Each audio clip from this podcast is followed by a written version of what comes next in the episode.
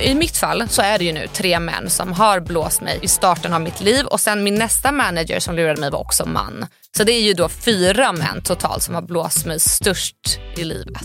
Sen kvinnor som håller på att hata på andra kvinnor. Det tror jag också mycket grundar sig i att det är vad vi har lärt oss. Lite som jag var inne på att det finns inte så många platser för kvinnor. Vi har liksom alltid ställts mot varandra. Så jag kan inte riktigt känna jättemycket hat mot andra kvinnor. Inte ens de här tanterna som säger att jag är en hora och slampa. För jag tycker synd om dem. Jag tycker att det är skittråkigt att de fick växa upp under en period där män var över kvinnor.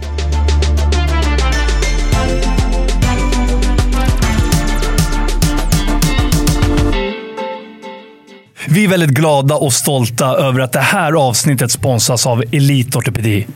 Ja, jag är så himla glad att vi har gjort det här samarbetet. För när jag träffade Dr. George första gången på Elitortipedi, då kände jag verkligen från hjärtat att det här har jag saknat. Under idrottskarriären, någon som ser liksom med spetskompetens varje enskild skada.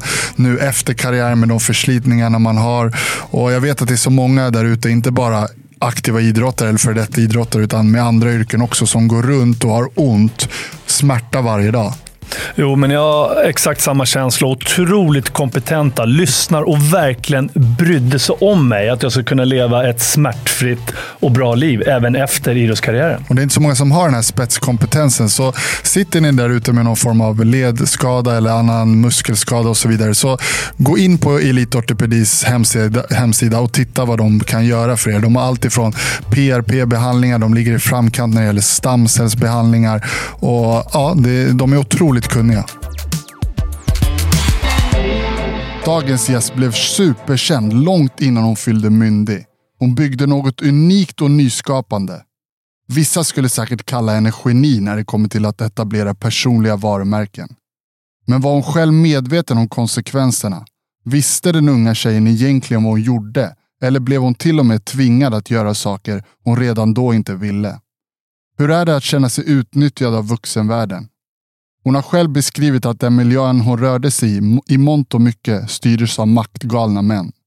Är det likadant idag för de unga influenserna? Riskerar de att gå i samma fällor?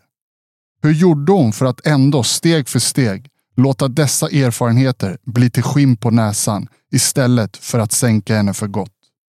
Vi ser idag en stark kvinna, eller borde man ens behöva säga kvinna? Vi ser en stark person som dessutom lyckats forma om sitt offentliga varumärke. Som helt rev upp alla gamla band till sin tidigare persona. Kiss, Beep. Vi känner inte till så många andra som lyckats skrota ett personligt varumärke för att sedan bygga upp ett nytt och så pass starkt. Dagens gäst kommer från en värld och erfarenheter långt ifrån våran värld och våra erfarenheter. Och därför ska detta avsnitt bli extra intressant och kanske även just därför extra viktigt. Förr var det rubriker som bloggbråk, urartade fester och nakenchockar. Nu när vi gjorde vår research så slås vi av hur alla pratar så varmt om personen här framför oss. En snäll superkvinna, om man ska tro alla vi pratat med i alla fall. Vi är så tacksamma att du sitter här idag. Få personer i detta land har som du levt två helt olika liv i ett och samma liv så att säga. Båda liven har dock haft en sak gemensamt. Offentligheten. Låt mig nu hälsa henne hjärtligt välkommen. Så jag vänder mig direkt till dig och hälsar dig varmt, varmt välkommen till Brottarbröders podcast Alexandra Nilsson! Wow!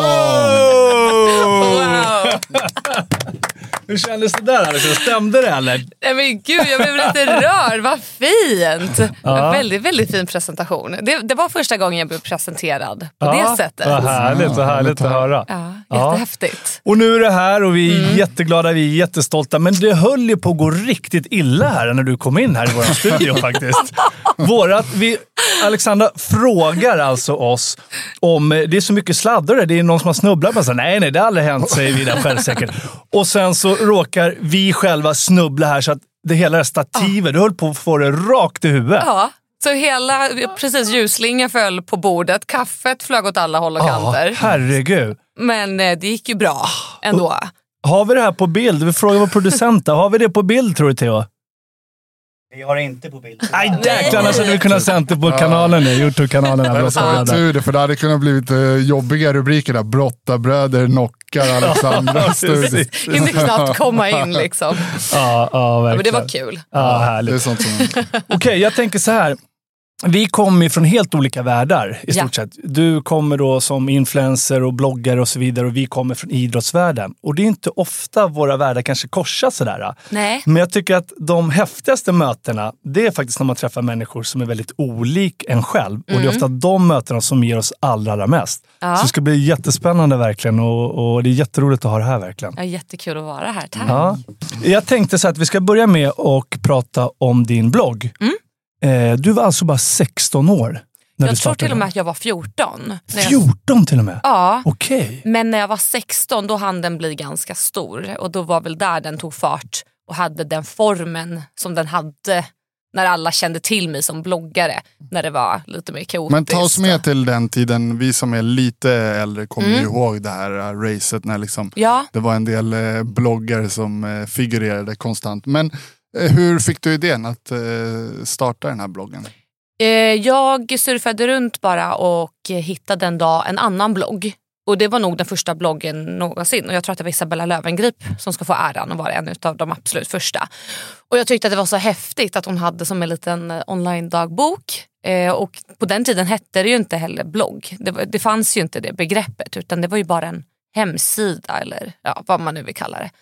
Och då kände jag att det här vill jag ju också göra.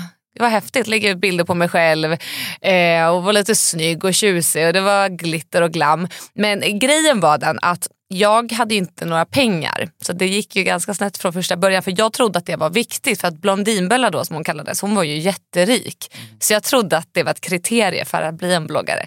Så jag började ju ljuga och sa att jag var rik. Okej, Så okej. att, eh, folk började tycka att jag var lite lustig redan från start. Så de tänkte, men varför sitter du och ljuger om det här lilla vännen? Alltså, för jag gör ganska dåligt. På vilket sätt då kunde du framhäva att du var på vilket sätt? Hade du alltså flashiga kläder, låtsades gå och shoppa, dyra kläder? nej, jag, jag kunde inte ens gå och shoppa någonting. Utan jag kanske snodde pappas grejer och försökte göra om det till en outfit och sa att det var Gucci.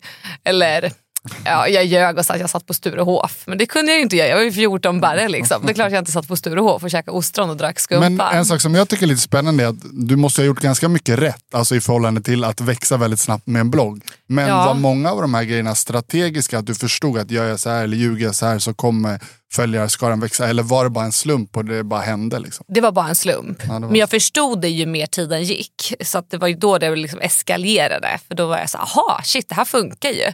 För folk började ju prata om mig på stan och det blev en stor grej. Mina föräldrar fick höra om det här. Och sen plötsligt så blev jag någon. Och det var ju skithäftigt. Från att inte vara någon överhuvudtaget och kanske inte ens ha några vänner. Eller jag hade inga vänner. Så var det här superhäftigt för mig. Så att jag passade ju på att fortsätta på det här spåret då för att bli ännu större. Hur ofta uppdaterade du bloggen då? Nej, men alltså, det var sinnessjukt ofta. Jag tror tio inlägg per dag när det var som Tio värst. per dag? Ja. Jäklar vilket Oj. Ja. Hann du med läxor och andra saker? Men det var och killar? Jag, och... nej, nej, jag sket i allt. Alltså, jag levde bara för bloggen. Det var det enda jag brydde mig om. Så jag, jag struntade i skolan, jag struntade i att jag inte hade några vänner för jag hade ju mitt liv på nätet. Det var ju liksom min escape. Så jag, jag tyckte det var så kul, jag kunde inte se något annat. Och helt ärligt talat så brydde jag mig inte om någonting annat heller. Men på tal lite om det här med eh, likheter och olikheter. Jag kan ju känna igen det här med drivkraft och sådär. Mm. För eh, det är ju någonting som, vi, eller som man måste ha inom idrott om man ska kunna gå riktigt, Ja. riktigt långt. Och där har vi pratat några gånger om att det här alltså bekräftelsebehovet eller att man kanske liksom vill eh, ja, men både så här för eh, vad heter det, ja, men testa sig själv, liksom, sina egna gränser men också oftast att det finns något annat underliggande, kanske Mm. någonting fa- i familjen och så vidare. Hur, hur var det för dig Alexander om du tittar tillbaks? För att Mm. så som man upplevde det utifrån, så, i alla fall om man tittar då riktigt långt tillbaka, Mm. så var det mycket det här, så här, men det måste finnas ett stort bekräftelsebehov och sådär. Har du Mm. analyserat de delarna själv? Kan du känna igen det lite i, vad var det som drev dig liksom, att fortsätta? Ja men det var ju absolut att jag hade ett stort bekräftelsebehov. Det hade jag. Och det, och det kom nog ifrån att jag inte hade några vänner. Det var svårt att skaffa kompisar i skolan. Vart ganska mobbad. Ehm, jag hade väl det relativt bra hemma. Men jag hade en pappa som var väldigt eh, distraherad av annat och inte så närvarande. Och min mamma då, de hade skilt sig ganska nyligen. Så då skaffade hon en ny familj och det var jättejobbigt för mig som ung. Så jag tror absolut att det blev som att jag försökte då skapa mig något eget och oavsett om jag fick hat eller kärlek från mina följare så var det fortfarande en uppmärksamhet då som jag cravade. Och det var det som drev mig. Mm. Men hur blir det då om man, om man skapar en personlighet som du Mm. gjorde via din blogg på Mm. nätet?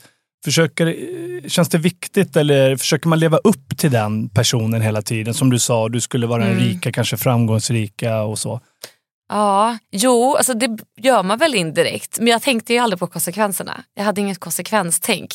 Men nu om jag hade plötsligt bytt karaktär, jag vet inte, jag ska jag blir någon helt annan. Det är väl klart att jag behöver tänka, ja men då ska jag upprätthålla det här, hur, hur ska det gå tillväga, hur länge orkar det? Men så tänker man ju inte när man är 14. Nej. Det, för man är ju ett barn. Man hittar ju på sagor i sitt huvud och tänker det här blir kul. Och inte visste jag att det här skulle hålla på Men nu. ångrar du att du startade bloggen? Nej, Nej. Nej, för alltså mitt liv, alltså, det är ju inte perfekt och det har inte varit en alltså, glamorös saga på något vis. Men det är ju det är något spännande. Det är ju väldigt roligt alltså, att prata om. Det är inte många som kommer sitta och prata till barnbarnen liksom, och berätta om att man hade upprört ett helt land i stort sett och fick liksom halva skolungen att käka barnmat för att jag hittade på det en gång på min blogg. Alltså, det, det är ju väldigt eh, Alltså, det är sjukt att det ens har hänt. Det, det låter ju som att jag hittar på. Sen är det väl så här att man, eh, typ när man tänker tillbaks på någonting som har definierat en och format en. Man kan ju eh, ångra vissa detaljer såklart. Såklart. Men som du säger, på det stora hela så är det svårt att ångra någonting. Du var ju den du var då. Mm. Men för att tänka tillbaka och sätta lite i perspektiv. Du var 14 år när du startade bloggen. Precis. Och den började växa ganska kraftigt sa du när du var runt 16 där någonstans. Ja. Hur tycker du att, så här, hur klev vuxenvärlden in? Fick du liksom, blev du guidad någonstans? Eller var liksom det här var din egna bubbla och du bara härjade hej vilt där? Eller? Ja eller nej. Alltså vuxenvärlden kom ju in när jag fick eh, mina managers som jag har pratat en hel del om i min bok vet jag och en del intervjuer. Så det var alltså tre män då som kom in från ingenstans nästan och sa vi kan göra dig till en stjärna. Eh, Och det här var liksom mitt första möte med vuxenvärlden. För då berättade de att de kunde ta det här till nästa nivå, de såg vad jag ville och de kunde verkligen få mig att bli den personen jag önskade att bli. Och det var det enda jag sökte på den tiden. Så det var ju som music to my ears. Det är exakt det här jag vill. Så de lockade mig med massa presentkort, det var alkohol, det var smink, allting som jag inte hade råd med. Signade de här papp papperna och då indirekt så kom jag in i vuxenvärlden fast det, vart ju inte, alltså, det gick inte till på rätt sätt. Och vad innebar det där samarbetet? Var det då att du behövde ge en del av dina intäkter till dem och de Mm. skulle hjälpa att driva in sponsorer? Eller? Alltså, ja, kortfattat, men det här avtalet det var ju typ 20 sidor långt. Och det är ju den största red flaggen någonsin. Men det förstår man ju inte när man är så liten. Då tänker man ja men det är så här det ser ut. Eh, och jag förstod inte heller vad de hade skrivit i de här papperna. Det var ju väldigt sånt fint vuxet språk, väldigt, svåra ord. Och jag hade ju ingen annan vuxen att rådfråga. För min mamma tyckte att jag skulle ta mig ur den här världen för att det, hon tyckte inte det kändes jättebra. Min pappa var inte närvarande. Så jag signade bara hoppades på det bästa och det blev ju absolut inte det bästa. De hade ju full kontroll över mig och de tvingade mig till massa olika saker som man, eh, om man bara visste det så kanske man förstår mer vad som de här rubrikerna som man har sett vad de faktiskt handlade om. För mycket är så här, ah, Alexandra dök upp full eller hon dök upp och var kaxig och dryg. Men om man vet vad som stod i det där avtalet då skulle man förstå varför jag betedde mig på det sättet. Var de etablerade i bransch? Hade de jobbat inom andra så musikbranschen? Mm. Eller? Precis, de hade ju musikföretag eller ja, de producerade musik. Eh, så jag minns också att de hade flera olika bolag så de sålde mitt avtal sinsemellan. Jag kommer inte riktigt ihåg varför de höll på så, det, det är väldigt luddigt när man tänker tillbaka. Men exakt så. Och jag vet att de signade flera andra influencers.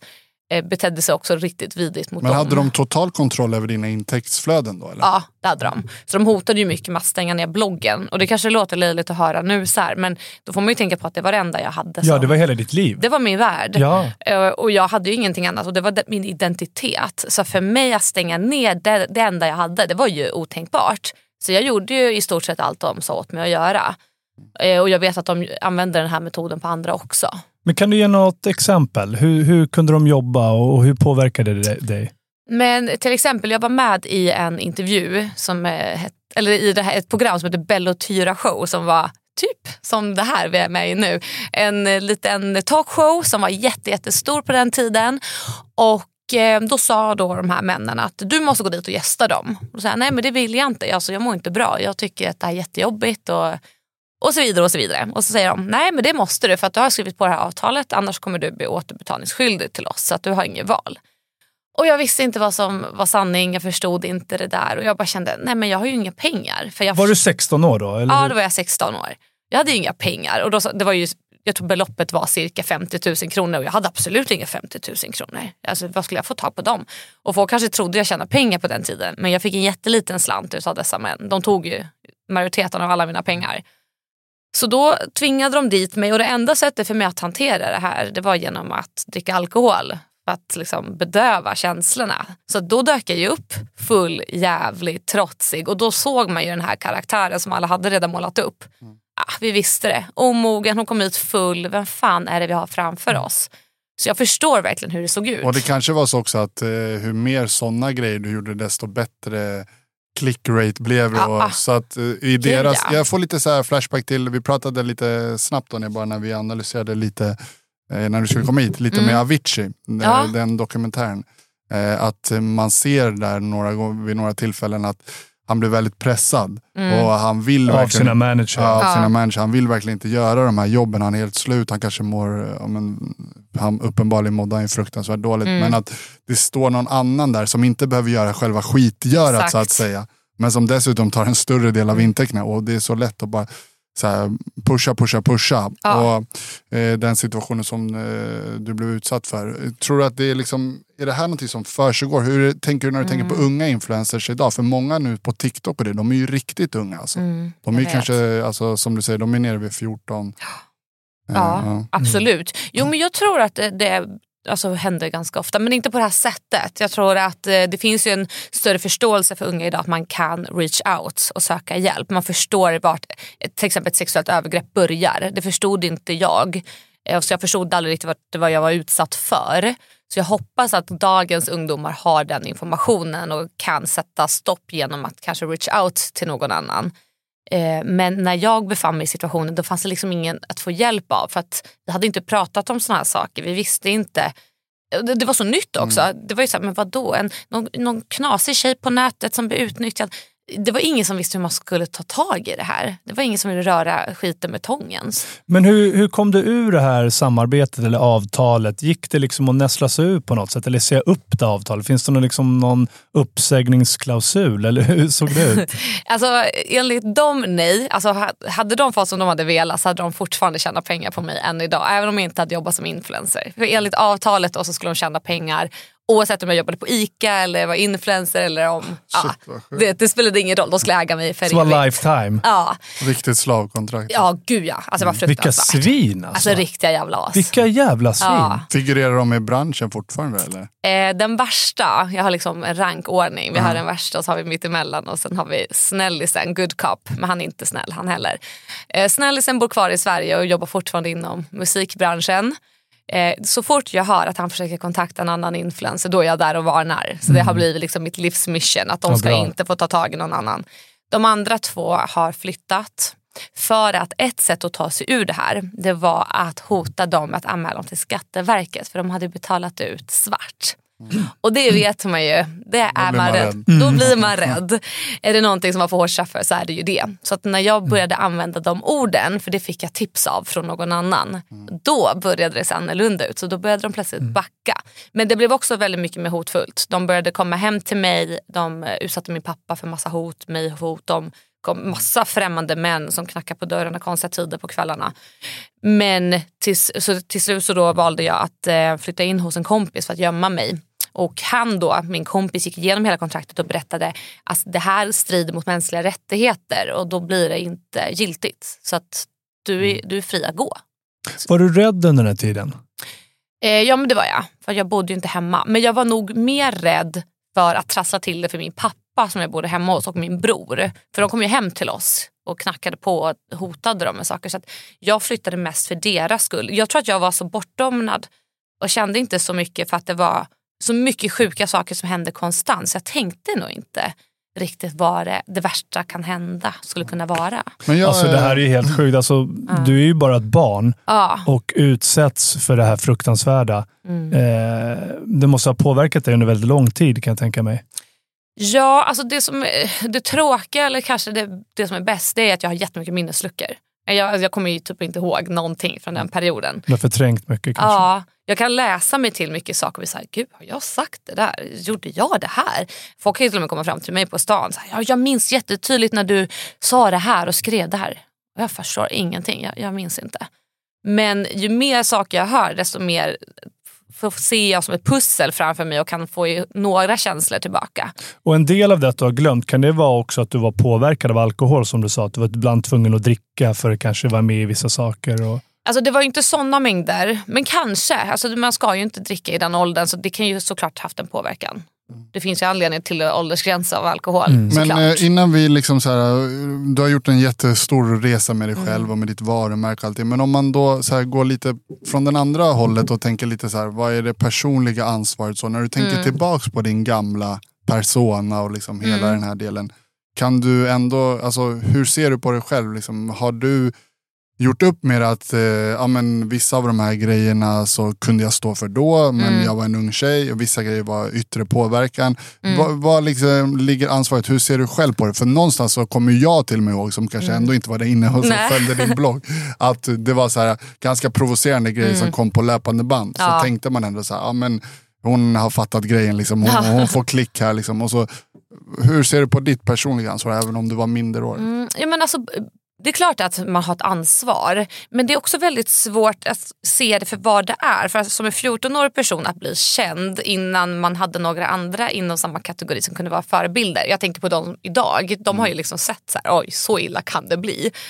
Eh, samtidigt som jag var väldigt tryckt av media och andra vuxna människor. Alltså det var ändå konstant vuxna människor som trackade på min kropp. Det var ju tidningar, Aftonbladet, Expressen som kommenterade min kropp. Så då, jag gjorde ju utlopp hela tiden genom att säga jättedumma saker tillbaka men det var ju den här eviga kampen mellan mig och vuxna människor kändes det som. Så att jag har så svårt att anklaga lilla Alexandra för att så här, du var helt dum i huvudet. Visst det fanns dumma moments men samtidigt så hade jag spårat tillbaka tiden nu och varit utsatt för samma sak. Jag hade nog flippat idag igen. Det, är liksom, det, var, ju så, det var som en jävla cirkus. Men Ja, men man har ju inte den, den det, konsekven- eh, konsekvenstänket i den Nej, åldern när man är så otroligt ung. Och jag tänker också så här, det är klart att jag sa alltså, saker som vissa kanske inte vill förlåta det behöver man inte göra. Men samtidigt, de sakerna jag sa, det, jag tror inte att det är saker som ingen annan har sagt på sin Facebook men då vart det liksom inte så exposed. Eller liksom med sina kompisar. Många, alltså, jag liksom satt och sa att mina föräldrar är dumma i huvudet. Ja, men vilken 15-åring säger inte det? Så att jag tycker lite av, eller många av sakerna har tagits och förstorats upp väldigt mycket. För jag är lite så här, ah, vad, alltså, jag fightades med Blondinbell, vi kallar varandra tjocka och smala och fula. Det, det, alltså, det, vi var småbrudar. Sen att vuxna människor bejakade det här och gjorde det till en sån grej, det kan jag nästan tycka är lite disturbing. Det Det är är- varför bryr ni er om småbrudar? Att eh, bli utnyttjad sådär av vuxenvärlden, det tycker jag är en, alltså, det är en no-brain. Det låter verkligen som att såhär, det är många som har tagit advantage. det. Men den där lilla kritiken, jag vill ändå såhär, Mm. Ja, pressa dig absolut. lite Såklart. grann nu.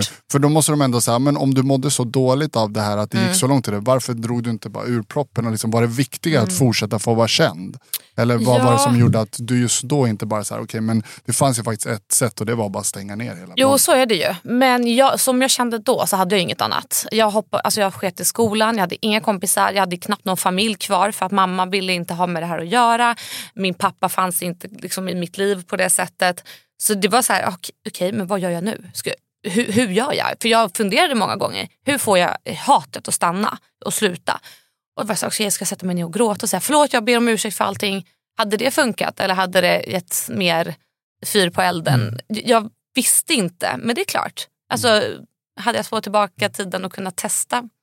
Ja, Men du know. valde ju att dra ut proppen till slut och stänga ner Mm. eh, bloggen. Då. Och hur, hur gammal var du då? då var, Det var inte ens så länge sedan. Det var ju typ bara fyra år sedan jag stängde ner bloggen. ja. Eh, Men det gjorde jag mest bara för att göra ett statement mot alla som vägrar kalla mig vid mitt namn. För det har liksom varit som en pågående kamp. För, för att jag ska kunna gå, alltså jag måste ju få gå vidare. Precis som alla måste få gå vidare från sitt förflutna. Även vad man tycker om det. Så det jag, jag är en vuxen kvinna nu. Jag kan inte stå och prata om vad jag gjorde när jag var 15 i hela jäkla livet. Det är så jävla tråkigt. Så då kände jag, nej men då, då heter jag Alexandra Nilsson nu och det får man respektera. Och så kände jag att nej men folk hajade inte. Det var, liksom, det var lite svårt för folk att släppa det där. Så då var det bara så här, men då kanske är bloggen då som är det som får folk att hålla sig kvar. Så då gick jag bara in och raderade. Hade inga känslor kring den. Det var, det var inte jobbigt. Det var inte, jag brukar ha svårt att avsluta kapitel. Men det där var bara, ah, delete, fuck off, I'm Men gud vad on. skönt. För jag tänker när man har gjort när man har följt det och uppdaterat som du berättar då, tio gånger per dag i så många år Ja. eh, och sen bara dra ut proppen. Ja. Alltså, det känns som att det skulle vara jättejobbigt. Det är en Jag tror del av det. dig och din uppväxt. Ja. Men du kände dig så klar med det? Jag känner mig så klar. Jätte, jätteklar. Men det var väl också lite som du säger att det fanns så mycket där, liksom historik och det som också Mm. bara låg och så här gnagdes och någonstans måste man kanske bara så här vara totalt ultimat och bara så här okej. Men jag tror det. För det är samma som när jag får frågan, ångrar du något? Det är så här, ja, jag skulle kunna lurka upp små saker som jag kan ångra. Men vad är vitsen med det? Alltså, Mm. Någonstans får man ju bara bestämma sig. Nej, men nu har det varit så. Klart, tack och hej. Jag tror att det kommer inte gynna någon att sitta och liksom gå ner i detaljnivå. För att det som har varit har varit. Hur reagerade dina följare när du eh, valde att stänga ner bloggen? Nej men de tror jag förstår. Alltså, de, de, alltså min kår, alltså de som verkligen följer mig. Alltså nu pratar vi inte om några haters utan mina riktiga följare. De var såhär, ja men bra för dig Alex. Alltså, nu räcker det. För jag har ju, alltså ibland så kan ju någon ropa så på stan och så säger de fel namn. Då kan jag höra någon annan. Hon heter fan Alexandra! Så, det är så, de är ju team med mig. Så att de var mycket så här, ja, men vi, vi ser ju vad som händer. Du behöver ju ta ett steg tillbaka. Är det många av dina följare som har gjort resan med dig? Som Mm. kanske själv var den här lite, förlåt uttrycket, men omogna liksom, och sen eh, så här, har eh, utvecklats och som är fortfarande din följare? Eller har det Ja. kommit in helt nya? Liksom, eller hur upplever du det där? Alltså många har ju hängt med alltså way back och många säger nej men gud jag minns när du köpte din hund och jag följde, hängde med när du fejkade dyra Gucci-outfits. Alltså de har hängt med länge. Men det är som du säger, de var ju också små skitar då och tyckte Ja, ja, drama var precis. kul och nu är vi ju grown-ups. Om vi kommer in lite på det här med näthatet eh, som är fruktansvärt och det är ju Mm. miljontals troll där ute Ja. som varje dag klankar ner på människor och skriver fula saker och så vidare. Mm. Eh, du drabbades ju väldigt hårt av det här. Mm. Kan du ge lite exempel på vad, vad kunde folk skriva? Och, Oj. Jaha, ja, alltså det var ja, men var det mycket om utseende eller det du utseende. gjorde? Och, Mm. Jo, men det, det var mycket om utseende. Alltså, Jag minns att man var tjock, var det många som sa. Och sen fick jag då ätstörningar. Alltså, jag var ju väldigt lätt påverkad som det här. Eh, Då var jag ett skelett och såg jätteful ut på grund av det. Sen hade jag för stor näsa så opererade jag näsan och då vart jag en plastic as bitch. Fula små läppar, så gjorde jag stora läppar, Nej, men då vart de ju för stora. Så det var liksom hela tiden att man kunde aldrig riktigt eh, passa in. Alltså att det spelar ingen roll vad man gjorde. Men var det inte väldigt många som skrev väldigt fina kommentarer också? Men var Jo. det så att man kanske fokade ofta, det blir lätt så kan jag tänka, Ja. framförallt när man är yngre, att man fokar på det som är negativt. Men känner inte ni också det? Om ni får hundra positiva kommentarer så har ni en liten rackare som lyckas också skriva någonting som man är lite osäker på. Det är det enda man tänker på Absolut, hela absolut. dagen. Det är så frustrerande att hjärnan är funkar så. Ja, men jag tror att det ligger i Ah. vår natur också, att vi alltid vill bli bättre eller och vi vill Mm. bli älskade av alla och så Ja. vidare.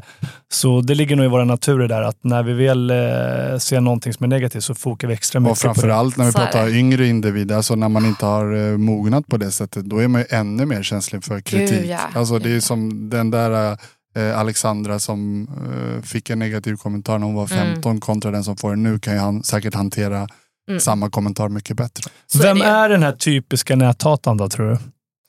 Oj, Nej, men jag tror nog att det är eh, den äldre generationen. Ja, Alltså det är liksom Gun-Britt som sitter där på Facebook och tycker att man är en liten slampa för att man såg lite urringning hos Efter fem. Liksom. Det är tantaluringarna men sen är det ju alltså, mycket Men vad gubbar sjukt. har jag sett också. Ja, vuxna människor, gubbar och kärringar som Ja. sitter och klankar ner och kommenterar och, och, och barn. Nej, men det, är, det är ju vidrigt. Mm. Jag minns att jag var inne på, jag hade en sån fanpage på Facebook så var det någon riktig sån surkärring som inne kommenterade och skrev att jag såg ut som en hora, slampa, hon hatar mig mest av allt. Så gick jag in då på hennes profil för det kan, man kan ju se personen i Mm. fråga. Då står det så här peace, love, family, friendship och så var det en massa bild på hennes barn, barn och barn. Nej, nej, men alltså, är du helt tappad? Mm. Alltså, det är nästan som att den äldre generationen inte riktigt förstår själva att det som skrivs på nätet är fortfarande på riktigt. Mm. För det är många som har den här vänskap och snällhet är så viktigt här i livet i sina bios. Men de, de, Jag tror det ligger lite i det, att, man, att den generationen, det gick för snabbt själva övergången. Jag tror det. Den digitala, så att ibland så känns det nästan som att det är en låtsasvärld för dem. det tror jag. Eh, Men sen kan jag uppleva också att den här yngre generationen, eftersom jag har två barn själv som tonåringar, Mm. att de är elaka mot varandra fast kanske på ett litet annat sätt. Eller att det, är så här, Mm. det är en annan typ av jargong. Det kanske inte är Mm. lika så här, äh, att man så här, utstuderat mobbande, men de kan Nej. ju dra med så här, äh, grejer som man så här, äh, att de bara kastar ur sig grejer Mm. och som låter så här, "Uff, fan, hur träffar det där egentligen? Att det är en Exakt. ganska tuff jargong där ute på de här apparna. Och, Men så är det ju. Och det var ju precis så det var alltså, i mitt fall. Då. Alltså, man har ju en viss jargong i den åldern och så tänker man inte på hur det tas emot. Eh, för att ibland, även nu idag när jag blir ledsen, ibland blir jag ledsen över en hatkommentar. Det, men det ska krävas ganska mycket. Och så har jag, då får man ju sån lust ibland att bara gå in och svara. Men du då? Bla bla bla. Men då sa min fästman någonting riktigt smart att det är inte personen som läser det som kommer få uppfattningen utan det är alla andra som läser det som kommer få den uppfattningen om dig vad du svarar. Så ibland när jag är som mest sur och det bara pirrar i fingrarna för jag vill sätta dit personen så försöker jag tänka på ja men just det, alla andra kommer ju läsa det här också. Och det vill jag ju inte. Ja, men det är så lätt att man agerar på känslor. Man läser någonting som gör en väldigt ledsen och arg. Då är det klart att man bara, äh, in, vem är den här idioten? Mm. Ja. Och så in och så vill man skriva någonting tillbaka. Ja, men. Men ibland är det faktiskt bäst att bara lägga locket på kan jag tänka mig. Så är det. Så här är det någonting jag skulle säga till 14-åriga ja, så är det just det. Ja. Mm. Hur ska man komma underfull med det här med näthatet tror du? Har du nå, ska man ha något så här nätkörkort eller något? Man måste ha ett körkort, en utbildning för att få surfa runt. något. Det hade väl varit bra, eller hur? Ja, men jobbigt för den Och så- äldre generationen då, som inte kommer hitta dit. Ja, precis. Nej, jo, men någonting sånt. Eller i alla fall kanske mer att man identifierar sig med BankID till exempel på alla appar. Mm. För jag märker att TikTok har ju mycket mer hat än vad Instagram har. Men det är väl också kanske för där har vi gått ner i åldrarna. Mm. Och sen Facebook tycker jag också är väldigt vidrigt. Men det är därför vi har eh, de äldre och de Mm. skiter i att man ser deras profilbild. Men jag tror att eh, ja, men ett internetkörkort hade varit något. Mm. Men mer att man måste identifiera sig. Jag tycker också att faktiskt Instagram känns ändå lite mer så här kärleksfullt. På Ja, något sätt. När eller man, hur? man får ofta så här peppande kommentarer. Där. Är det the millennial som hänger där som har redan växt ifrån det? Så det är gos-i-gos. Men eh, Alexandra, vi måste ju ändå så här, eh, grotta lite i det här gamla grollet. jag, vill, jag vill ju bara veta så här, vad har Ja. hänt. Vi ska inte hålla på Nej. med det. Vi är inte en så pass ytlig podd. Men jag kommer ihåg som sagt, så här, det var ju jäkla massa bloggbråk. Och det, var Mhm. ju, så här, det var Blondinbella och det var du och det var Pau och Desi Ja. och hela det gänget. Alltså, gjorde ni upp med varandra sen efteråt? Eh, Alltså, det var ju ganska infekterat. Liksom. Mm. Alltså, som sagt, eh, till och med jag som inte läser bloggen hörde ju om det här och jag vet att så här, några tjejer jag haft genom åren var så här, de kunde ju prata om det här, liksom, sitta i flera timmar och prata om era bloggbråk. Liksom. Ja, Men eh, hur löste ni det? Eller är ni vissa av er har fortfarande dålig relation med varandra? Eller? Nej, alltså jag har bra relation med samtliga. Eh, och vi har ju, eller när jag väl stötte på dem så är vi ganska eniga om att det var bara en jargong man hade sinsemellan. Så det som, jag tror att det är mycket lite viskeleken. Att man läser som en läsare då och uppfattar det mycket värre än vad det faktiskt var. Och så berättar de det till dig och du berättar det till dig. Och så tänker ni, men jävlar alltså vad de bråkar. Men vi bråkade ju inte på det sättet utan det var ett sätt som småbrudar höll på. Var det någon gång till och med lite fejkat för att få klick? Jo men det var det. Alltså jag, de här managers som jag hade, då hade jag en tjej som hette Desi, eh, samma managers. Så de tvingade oss också ibland dessutom att eh, göra de här bråken. Så det började ju lite så här gulligt. Ja ah, men tjejer, ska ni inte tjafsa lite med varandra? Har inte hon gått upp lite i vikt? Eh, Desi, Kissy, ska ni inte? Och så liksom vart vi pushade på det och så märkte vi att det funkar. Så det var ju ja, men 50% fake. För så där gör man ju mycket inom kampsporten. Man trashtalkar varandra för att bygga upp ett intresse inför Ja, en match. Och fler och fler blir intresserade. Då är ni lika och man tar illa som ställning. bloggdrottningar. det kan man säga. Så precis som Jimmy säger, det kanske Ja. fanns en, en liten anledning också Ja. för er. Att, och ni fick fler följare och fler Ja. klick. Men jag vet som att vi fick en följarfråga som sa sådär, eller som frågade just om ni hade något en, alltså vid något enskilt tillfälle suttit ner och pratat ut. Liksom, eller har det bara blivit att äh, vi är grown-ups, liksom, det är släppt. Eller, Ja. eller har ni suttit ner och så här, bara rensat luften? Eh, Den enda som jag har rensat luften med det är hon Desiree. För vi gjorde en SVT-dokumentär som, he- som heter Bloggbråken. Eh, och då fick vi ju träffa varandra och liksom kom fram till väldigt snabbt vad grunden och bakgrunden till allting var. Eh, och det vi har kommit fram till det är att vi var unga tjejer som tävlade. Vi tävlade om uppmärksamheten och eh, det- finns inte så många platser kan man känna för kvinnor att få. Alltså att det är tre kända kvinnor som får ta plats och då liksom klöser man ögonen ur varandra för att komma dit. Eh, och sen är ju hela media uppbyggt på att det är kvinnor mot kvinnor. Alltså det var Mm. jättelätt att göra artiklar om det här. Så vi förstår ju nu i efterhand att det var ju liksom hela stämningen var ju så så att vi vart ju liksom uppstissade av allting och folk hejade ju på. Alltså folk tyckte att det här var skitkul. Folk vill ha drama, det ska vi inte glömma. Alltså även idag kan jag få kommentarer. Vem, vad tycker jag om den här personen? Det finns inget som säljer bättre än sex, drama och pengar. så Det är är det och det kommer nog aldrig sluta. Eh, Så att jag, jag menar, så här, visst skulle jag vara desperat, ja men ring Men du är, inte, du är inte kompisar med Isabella och Pau att du ringer dem imorgon? Typ. Nej, men Isab- jo, jag kan ringa dem. Ah, okay. Så ni har ändå en relation på så Ja men där är det ju liksom så här, vi är vuxna människor.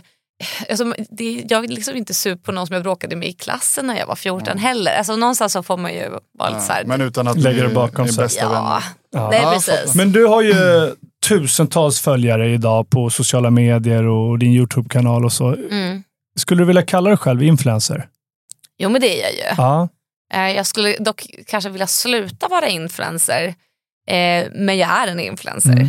För jag tänker, jag pratar med min dotter om det där, hon har också ganska mycket följare, inte riktigt som dig då, men Ja. med väldigt många. Och hon, hon berättade för mig att väldigt, väldigt många människor ser ner på influencers. Framförallt den lite äldre generationen. De säger ofta, det där är inget jobb, och vad, det där är bara att hålla på och laja runt, det där kan man göra på sin eh, fritid och så vidare. Ja. Men hon berättade att, tänk dig, alla vill, eller inte alla, men väldigt, väldigt många vill bli stora på sociala medier idag. Alla vill marknadsföra sig, företag vill synas med influencers och så vidare. Och konkurrensen är så jäkla hård, Den är ju det. sa hon. Så ska man lyckas, man måste jobba stenhårt varje dag för att bli stor på nätet. Så är det, 100 procent. Ja. Men, men för jag tror det här sitter mycket i okunskap. Det, det låter ju väldigt glammigt och det är det också. Det ska jag inte sticka under stolen med. Men jag tror att man inte riktigt bara förstår hur mycket som krävs. Och sen är det just där, alla kan inte bli influencers. Det är ju lite provocerande bara det. Att det är så här, vadå, är det bara en utvald grupp som kan bli det? Ja, men så är det faktiskt. Och jag förstår att det är skitprovocerande och då tror jag att det är lättare att tänka, äh, det är bara jävla trams. Och så letar man så här, men, eh, vad är den egentliga talangen? Liksom? Och så börjar Ja. man störa sig. Eller så här, ja, men, vadå, eh, varför har hon så många följare? Vad är hon bra på? Ja, ja, och jag ja. tror att det är många som har svårt att greppa det där. Att, så här, men det du är bra på är ju att nå fram. Du, Mm. nå genom rutan. Men ska man inte människor. höja statusen på influencers? Tycker du inte det? Att de borde få mycket mer cred än vad de får? Jo, det är klart. Alltså, jag kan till och med själv känna att jag är lite så här, mm, jag vill inte kalla mig för influencer. Och eh, ja, det, det är hemskt. Men, det, det, för det, men grejen är också att även om väldigt få kan vara det så finns det väldigt många influencers.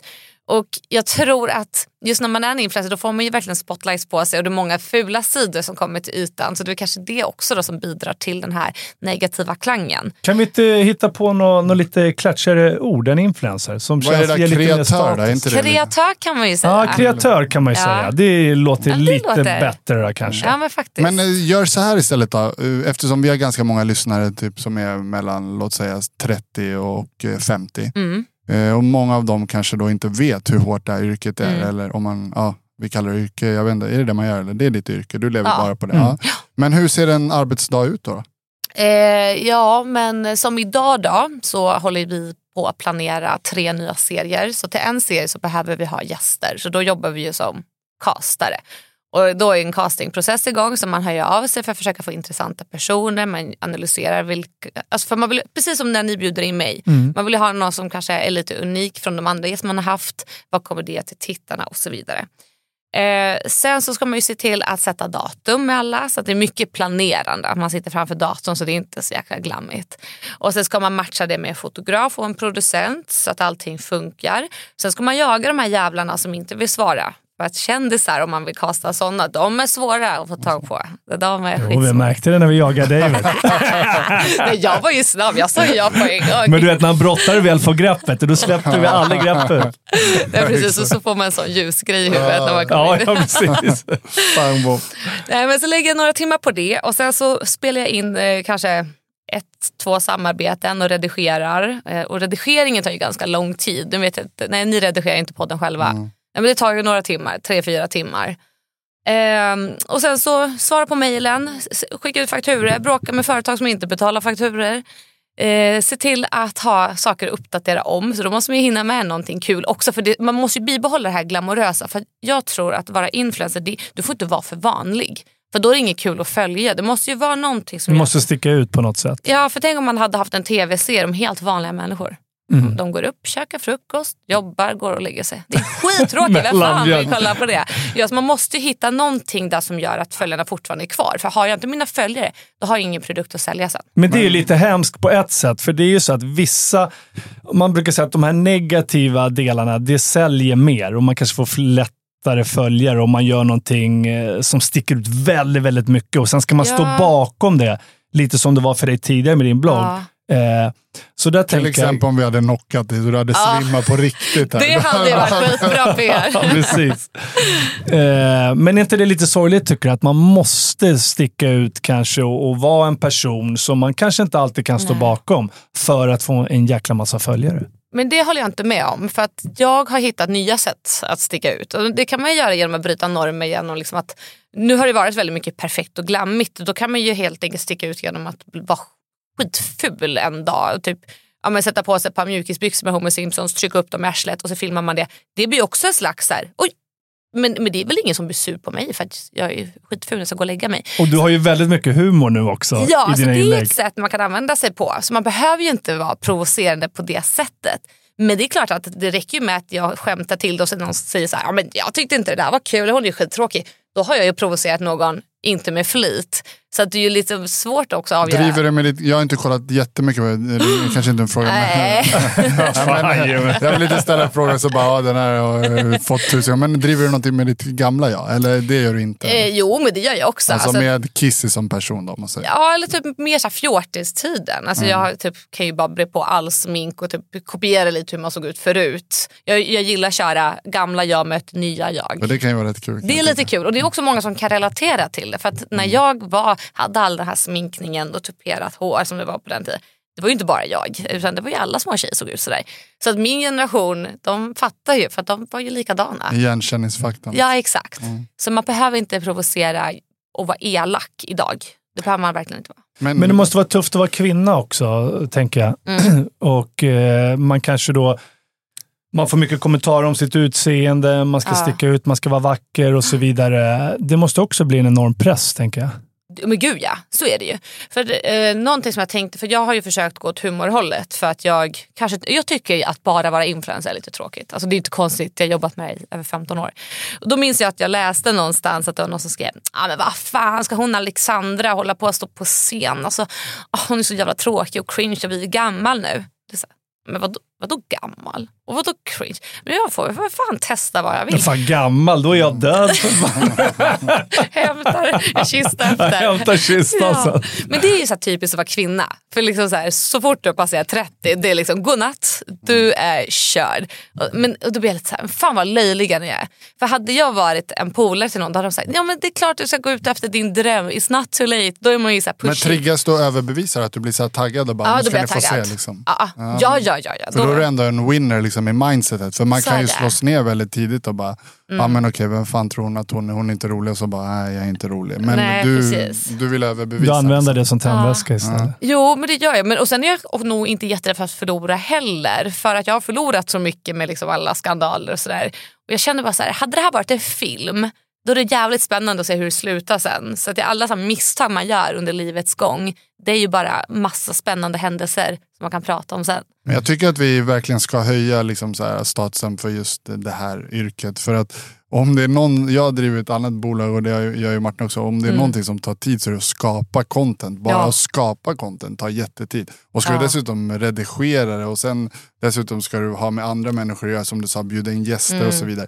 Eh, Det måste ju, du måste jobba mer än åtta timmar om dagen. Liksom. Men det gör man. Men det som jag tror folk inte förstår är också så här, det gör, alltså man jobbar väldigt mycket men det är man kan göra det på härligare sätt än om man är låst på ett kontor. Så det är väl det som man kanske inte riktigt förstår när man bara tittar så utifrån. Att det är så här, ja, man kan ju jobba utomlands. Jag kan ju sitta och göra all casting därifrån. Så det är ju supergött. Och planera inför det som komma skall utomlands och fortfarande ta de här contentbilderna. Så att eh, det är mycket jobb men det är bekvämt att göra det. Om man får, förstår ni vad jag menar när jag säger så? Mm, mm, jag förstår. Det var en tjej som jag pratade med som är influencer och hon sa att jag måste, känner jag, sa hon, lägga ut några lättklädda sexiga bilder Jaha. ibland. För då får jag så otroligt mycket nya följare varje gång jag gör det det och, och får klick och så vidare. Eh, och det låter ju Det är därför fruktansvärt. jag har fått mindre följare på senaste. Jag har ju inte lagt ut någon patte på evigheter. Va?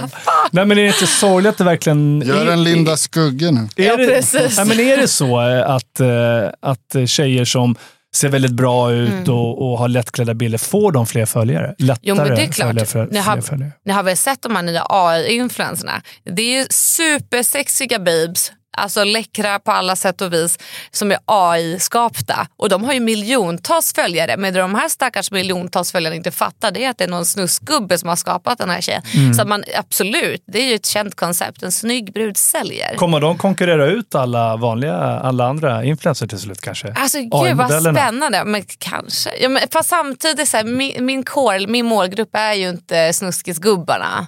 För att jag tänker så här, jag vill inte ha fler, alltså nu får ni tolka mig rätt nu, jag vill inte ha fler män som följer mig. För så här är det, när man ska sälja. Ska vi avfölja eller? Men Precis. Nej, men när man säljer kampanjer, nu får ni verkligen säga inside info, då vill, då vill ju kunden oftast ha kvinnor. Alltså män är inte så intressanta. De Så- konsumerar inte lika mycket. Exakt, kvinnor konsumerar och speciellt i, kvinnor i min ålder, runt 30. Det är Alla toppen. gubbar, säg till era fruar och de ni känner och följa. Precis, här har ni mig. Eh, nej men så att just det här lättklädda kände jag inte, alltså det är ingenting för mig, det har jag inte dragits till. Utan snarare jag kände att jag fick en boost när jag körde humor istället. Och att man kunde relatera som kvinna. Då fick jag en ökning och det tyckte jag var toppen. Så att än så länge vi inga pattar men man ska aldrig säga aldrig. Men eh, Alexandra, vi, nu, vi har ju så här, alltså, vi skrattar och det är ganska så här, roligt. Och man vet ju aldrig var de här samtalen tar vägen. Mm. Nej. Men jag måste ju ändå så här, äh, gå lite tillbaks igen och bara känna så här lite grann att allt det här som vi har varit inne på nu med näthat och det som du var med om och allt sådär. Du Mm. mådde ju fruktansvärt dåligt under, eh, under vissa perioder. Ja Eh, såklart. och eh, när vi då, så här, nu när liksom den här, eh, alltså om man tittar då, då fanns ett forum som var skriv en blogg. Nu Mm. finns det liksom TikTok, Instagram, Facebook. Och jag har själv en dotter i liksom tonåren och sådär. Mm. Eh, alltså hur liksom, finns det någonting man kan göra utifrån för att liksom påverka den här världen så att det inte blir så här att det är flera unga tjejer som kommer må dåligt för att de här idealen är där och de pressas hårt. Alltså, Är det bara så här, är det bara acceptera att det det är så här, det styrs på det här sättet eller är det någonting som vi alla som lyssnar kan göra liksom, för att påverka det? Men jag tror att man kan gå in på de här kommentarerna om man ser att det är någon som har kommenterat något riktigt äckligt och vidrigt. Alltså gå in och säg ifrån. Alltså för då kommer man ju liksom visa att nej men det här är inte fine. Fast förut, alltså många sitter och likar de här vidriga kommentarerna. Då boostar man ju dessa troll och haters. Så bättre att gå in och säga så här, nej men så här, fy fan vad omogen det. Alltså man bashar ner direkt på trollen. För, för då blir det inte så roligt för dem.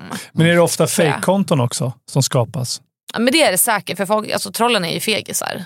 Alltså riktiga jävla fegisar. Men de är ändå inne och kollar. Om de inte får den responsen som de hoppas på, då är det inte jättekul. För någonstans så tror jag att de vill ju ha respons från personen de skriver till. Så om massa andra kommer in och säger, nej men vi diggar den här personen, alltså backa. Då blir det ju inte alls vad den personen förväntade sig och då kanske det inte blir lika kul.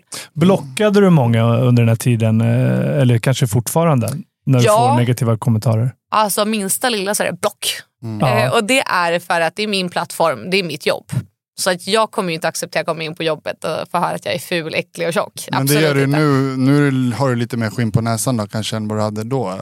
Jo, så är det ju. Men om man tänker så här då, för jag har ju hört eh, vissa intervjuer och så när du har pratat. Jag skulle vilja höra ditt perspektiv på just det här med, är det män överlag? Alltså, Mm. För jag vet att du anser dig själv vara feminist och sådär och Mm. kanske har, har pratat lite grann om det här med liksom hur du ansåg dig vara ganska utnyttjad Mm. eh, av männen. Men hade det också, relaterade det också till sådana här grejer som näthat och så, eller var det mer det här med hur de styrde dig, dina managers? Ja. Eller hur är det liksom, det här hatet som finns där ute på nätet, är det 50-50 eller vad är ditt perspektiv där? Ja, men det är nog 50-50 men, det, men som jag sa tidigare, det, alltså, det är ju mycket tantaluringar. Men, och det, det tror jag beror på att den äldre generationen kvinnor kanske tycker att det är jobbigt att bevittna att den yngre generationen har mer möjligheter. Alltså det här är bara en analys jag har gjort. För att ehm, jag kan möta hat alltså, i den riktiga världen men då är det just äldre kvinnor som hoppar på mig. För vi diskuterar det här lite hemma för jag har ju två hundar som jag är ute och går med. Och det har hänt mig kanske fyra, fem gånger nu bara i mitt område att jag blivit attackerad av tanter då, förlåt för jag säger så, men tanter som hittar fel med det jag gör. Eh, och det har aldrig hänt min fästman.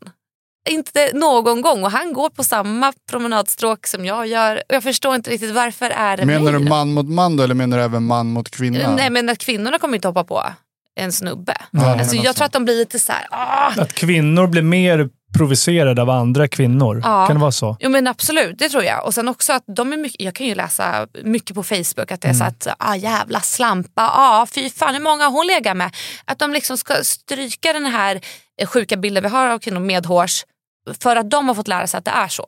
Jag tror inte de förstår att de gör fel. Så att, absolut, det är mycket kvinnor som hatar också. Men har du mer ilska mot kvinnor eller mot män? Nej, alltså jag tror... Om du tänker på det som du har varit med om, alltså all, hela den här resan. Nej, men det är nog män som jag ser framför mig. För Jag ser ju de här tre männen. Och Jag ser också framför mig vissa reportrar som har verkligen alltså, screwed me over som var män.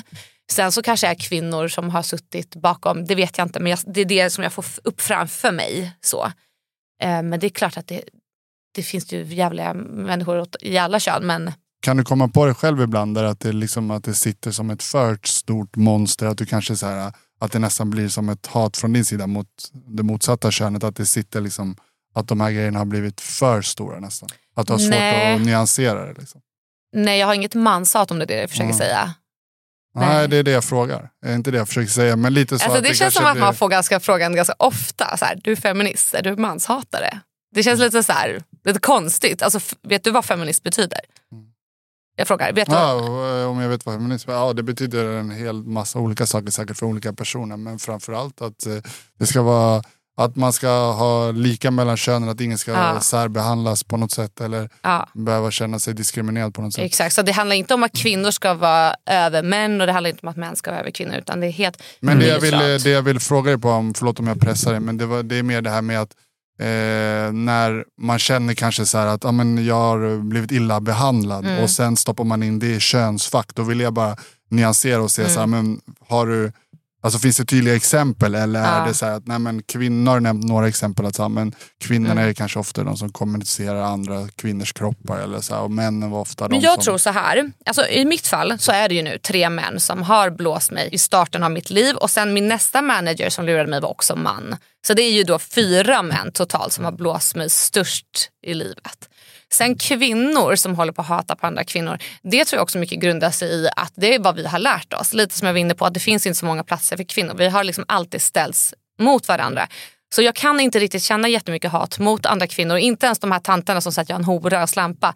För jag tycker synd om dem. Jag tycker att det är skittråkigt att de fick växa upp under en period där män var över kvinnor. Där kvinnor inte var värda lika mycket. Så för de har ju lärt sig från ung ålder att de inte är värda lika mycket. Att de får tävla om de här få platserna. Att vi får inte ligga med hur många vi vill. Vi ska sätta oss i en viss plats i samhället. Så jag genuint tycker synd om Mm, Det är dem. en bra reflektion. Mm. Jag tror det kan Mm. ligga en hel del i det faktiskt, det du säger. Mm. Just det där med att så när de var uppväxta då var det så, det, det var så få som fick komma fram. Ja. Liksom. Så det är inpräntat i dem på något sätt och då blir det en form av inre konkurrens istället för att ni alla det. skulle bara lyfta varandra och Exakt. bara så här, eh, hylla varandra mycket Mm. mer. Hur ser du på framtiden då, Alexandra? Vad är det du vill göra i framtiden? Vill du fortsätta på det här spåret eller vill du bygga upp ditt företag så det blir ännu större? Har du mål och Mm. drömmar? Och... Alltså jag vill ju jobba som producent. Det är mitt mål. Så att jag vill ju fortfarande vara inne i den här världen. För den är, även, nu låter det så himla negativt. Alltså, den är ju fantastisk. Alltså, det finns massa möjligheter för både män och kvinnor att utvecklas och bli vem man vill. Så att jag vill fortfarande vara kvar i det men kanske inte alltid vara den som alltid är framför kameran. Men jag tycker fortfarande att det är skitkul. Så att eh, just nu så skulle jag så gärna vilja jobba som programledare.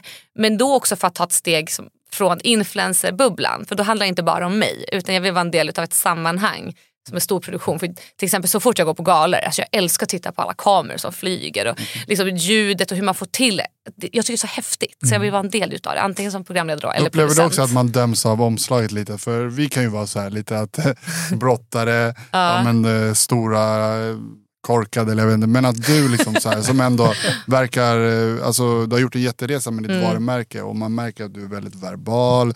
Du skulle säkert passa hur bra som helst som programledare men att du fortfarande får sota lite för det här döma boken vid omslaget. Så här, och då helt plötsligt Ah. tänker de på när du var 15 år. Eller som de tänker på mig och Martin som blodiga, typ eh, stora jävla bestar som bara trillar ut där och inte har någon Ja. brain. Typ.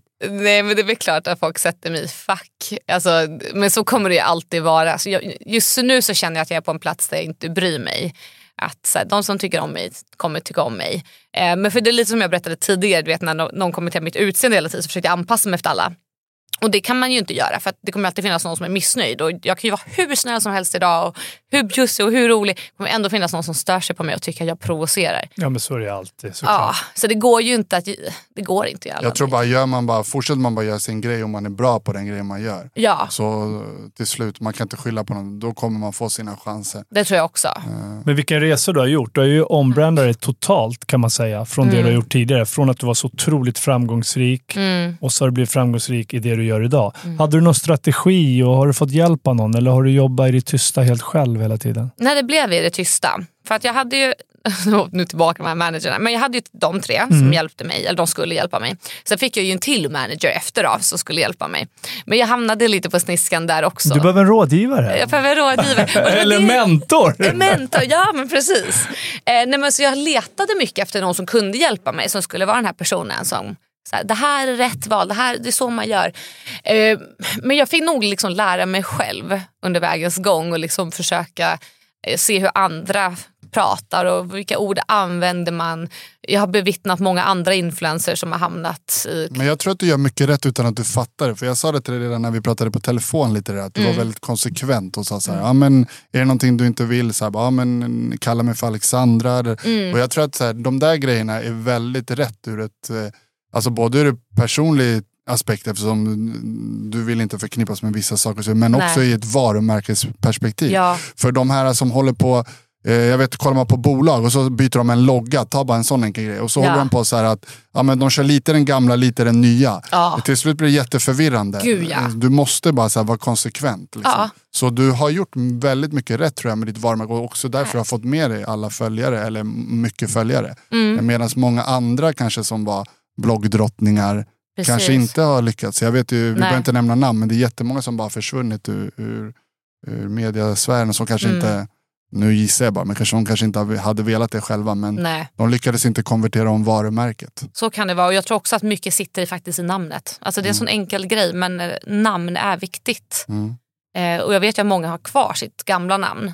Det tror jag tyvärr att man får skippa om man vill gå vidare och kunna förnya sig. Mm. Och vad, så stå på den linjen och Ja. vara så konsekvent. Och våga vara lite jobbig. Mm. Så, nej men du ger fan i att säga fel namn för att annars så kommer folk fortsätta. De skrek ju på mig direkt. Ja, ja, ja. fan. Nej. Hur mycket pengar tjänar du då? Blir det några stålar över? Nej det är inte mycket så. Nej, det är inte det. nej, nej men alltså det, det, jag känner så att jag klarar mig. Det är inte, jag är inte någon supermiljardär. Absolut Nej, men du kan leva på, på ditt arbete i alla fall. Ja, absolut. Alltså, och jag har det liksom gött. Alltså, skulle jag kunna bestämma mig för att ha det som jag har det nu, ekonomiskt för alltid, så skulle jag vara nöjd. Jag drömmer inte om att ha något slott eller flytta till LA och åka Porsche. Så att jag är... Men eh, den där nivån som det är på, är, förlåt, är det, Mm. Är det mer från samarbete man tjänar pengar eller mer från så egna, eh, alltså det man gör i förhållande till att dra in sponsorer till sina egna kanaler som vi till Mm. en podd eller till en YouTube-kanal? Eller är det rena samarbeten? Eller, Alltså, jag, jag klumpar nog ihop allt det där. För det är ju jag tycker det ter sig lite på samma sätt. Alltså, man jagar ju sponsorer till en podd och sponsorer till en Instagram. Och jag kör mycket så package deal då jag har så många plattformar. Så det blir liksom Kom och köp en Instagram, en liten podd slänger jag med och så kanske en Youtube-video. Så att eh, mycket package deal. men då är det det jag menar, är att då är det att du gör nästan som en alltså, reklam för en annan, alltså du håller upp någonting till ja exempel. men precis. Medan eh, eran podd, där är det ju är ni som styr hela innehållet eh, Ja men precis. Fast det, och produkten. Liksom. men när man, ja, exakt. Men um, det är samma sak där när man pratar om någonting så blir det indirekt. Mm. Kom och köp. Men det är för, förpackat olika. Men många har ju inte alls någon koll på hur mycket man kan ta betalt och Nej. hur funkar det här med betalda samarbeten och, Mm. och får företagen verkligen tillbaka det som de ger? För det kostar en hel del också för företagen Ja. såklart. Så är det ju. Eh, Man behöver titta på rätt målgrupp, vilka Mm. följare har den här uh, influencern och så vidare. Exakt. Eh, hur tar man betalt? Alltså på vilket sätt, hur kan man liksom värdera de här olika delarna? Eh, jag fick lära mig att om man är för, över, eller för bokad, alltså man har för många samarbeten, då tar det för lite betalt. Så då kan man höja priset lite så att man landar på en ganska rimlig nivå. Så får man ju känna efter själv vad man tycker är rimligt. Men att jag skulle ha ett samarbete varje dag, det tycker, det tycker jag är för mycket. Delvis för mig själv men också för mina följare. För att det ska ju vara kul, det ska kännas på riktigt. Ja, men vi gör så här nu. Vi är Mm. Brottarbröder AB. Vi vill att du ska marknadsföra oss i din podd. Eh, förlåt, i, i vet det, podden men också på sociala medier och så Ja, det vidare. är väl en liten package deal. Ja, och så vill vi att du ska ha, vi vill ha ett inlägg i flödet Mm. Ja. och så vill vi ha tre i din story. Ja, det, det kommer kosta. Vad, vad, vad skulle det kosta ungefär? Ja, ja men om jag tar för ett inlägg, ja, men typ 60 och så kanske stories. Ja, 45 styck. Jävlar. Jäklar. Ja. Fan, vi är uppe Ja, i några hundratusen. priser. Alltså. ja, men ni är välkomna att köpa. Ska vi slå till brorsan? Vad säger Ja, du? jag kan ge er en superdeal. Ja, Det tar vi. Underbart. får eh, vad heter det, pruta lite sen. Tittar ofta företagen på vilka typ av följare du har? Ja, det är jättevanligt. Alltså, företag har verkligen lärt sig hur man ska liksom sålla bland alla influencers som finns. Så som jag sa tidigare, kvinnor 30, superbra, högt värderat. Man vill ju liksom inte... Köpstark målgrupp. Väldigt köpstark. Mm. Man vill ju liksom inte... Typ, ta Porsche, de vill ju inte komma kanske till Joakim Lundell som har många yngre. Liksom 12-åringar kommer ju inte köpa en Porsche. Så där är ju väldigt viktigt med vilken målgrupp du har. Och då kanske det inte spelar så stor roll om du har en miljon eller hundratusen följare. men hur ser du på det här äh, att en, äh, ett inlägg, Mm. för det är ju ändå fakta och jag jobbar ju lite grann med de här grejerna också. Det konverterar ju, alltså i förhållande till er antal följarskara så Mm. konverterar det inte lika bra. Det är som du gjorde för kanske tio år sedan. Att så här, ja, men har du en miljon följare då kunde Mm. du nästan räkna hem att får den här produkten så mycket exponering då kommer vi sälja Exakt. så mycket. Men däremot så med det sagt så kan ni fortfarande göra ett otroligt jobb för ett varumärke. Ja. Alltså, men då är det också någonstans kanske i, alltså det måste landa i att ni själva också tror på varumärket eller tycker Mm. om varumärket. Har inte den delen blivit mycket, har inte förändrats mycket att innan kunde man, du kunde hålla upp vad som helst och så bara, ja men hon har 500 000 följare, Mm. okej den får den här tiden, ja, delat på det här, ja men då vet vi att vi kommer Mm. att sälja x antal stycken. Företag kan inte räkna hem på det sättet längre. Nej, det är just därför man måste kolla vilka följare har du? Hur aktiva är de? Hur mycket engagerar du med dina följare? Svara på kommentarer. Hur ser ditt content ut? Står du där och är snygg och visar pattarna? Ah, det kanske inte leder till att de blir mer köpstarka. Men lägger du ut roligt content som är aktuellt, det är liksom nu har du gjort det. Du har inte bunkrat upp en massa. Det är klart att det skiljer. Alltså jättemycket. Men sen ska vi inte glömma brand awareness. Det betalar man ju också för. Det det för jag menar, köper du ett uppslag i Aftonbladet? Nej, jag tror inte att det är jättemånga som springer efter den där produkten. Men det är fortfarande, aha just det, vi har det här varumärket. Och det får man ju inte glömma, det kostar ju. Så att precis som eh, alla de här stora tidningarna, TV4 och alla kanaler tar betalt så gör ju även influencers det. Men där får man ju ha en dialog mellan sig själv och kunden. Det här är vad jag kan erbjuda. Är du sugen på konvertering? Ja, men då kanske inte den här plattformen är det bästa. Då kan jag erbjuda det här istället. Så därför är det skönt som influencer om du har många plattformar att jobba med. Och, och viktigt att kunna sin målgrupp. För jag kan ju säga så här, nej men köp inte TikTok för den här produkten, det kommer inte flyga. Jag rekommenderar det här istället. Eh, Och även om de betalar mindre så kan jag tycka bättre om ni köper då podden kanske som är billigare just nu. För att vi vet att vi har en annan starkare målgrupp där som är äldre som passar just er.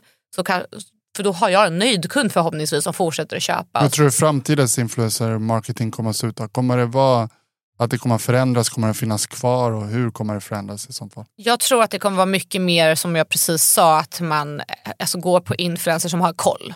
Alltså, nu ska jag inte vara sån men jag har jävligt mycket bra koll på vad som säljer och vad som funkar och inte. Så jag tror att de som inte har det kommer sållas bort. Att det kommer inte vara lönsamt för att företag kommer inte få de svar de vill ha. Det kommer inte kännas säkert och tryggt att köpa av dem.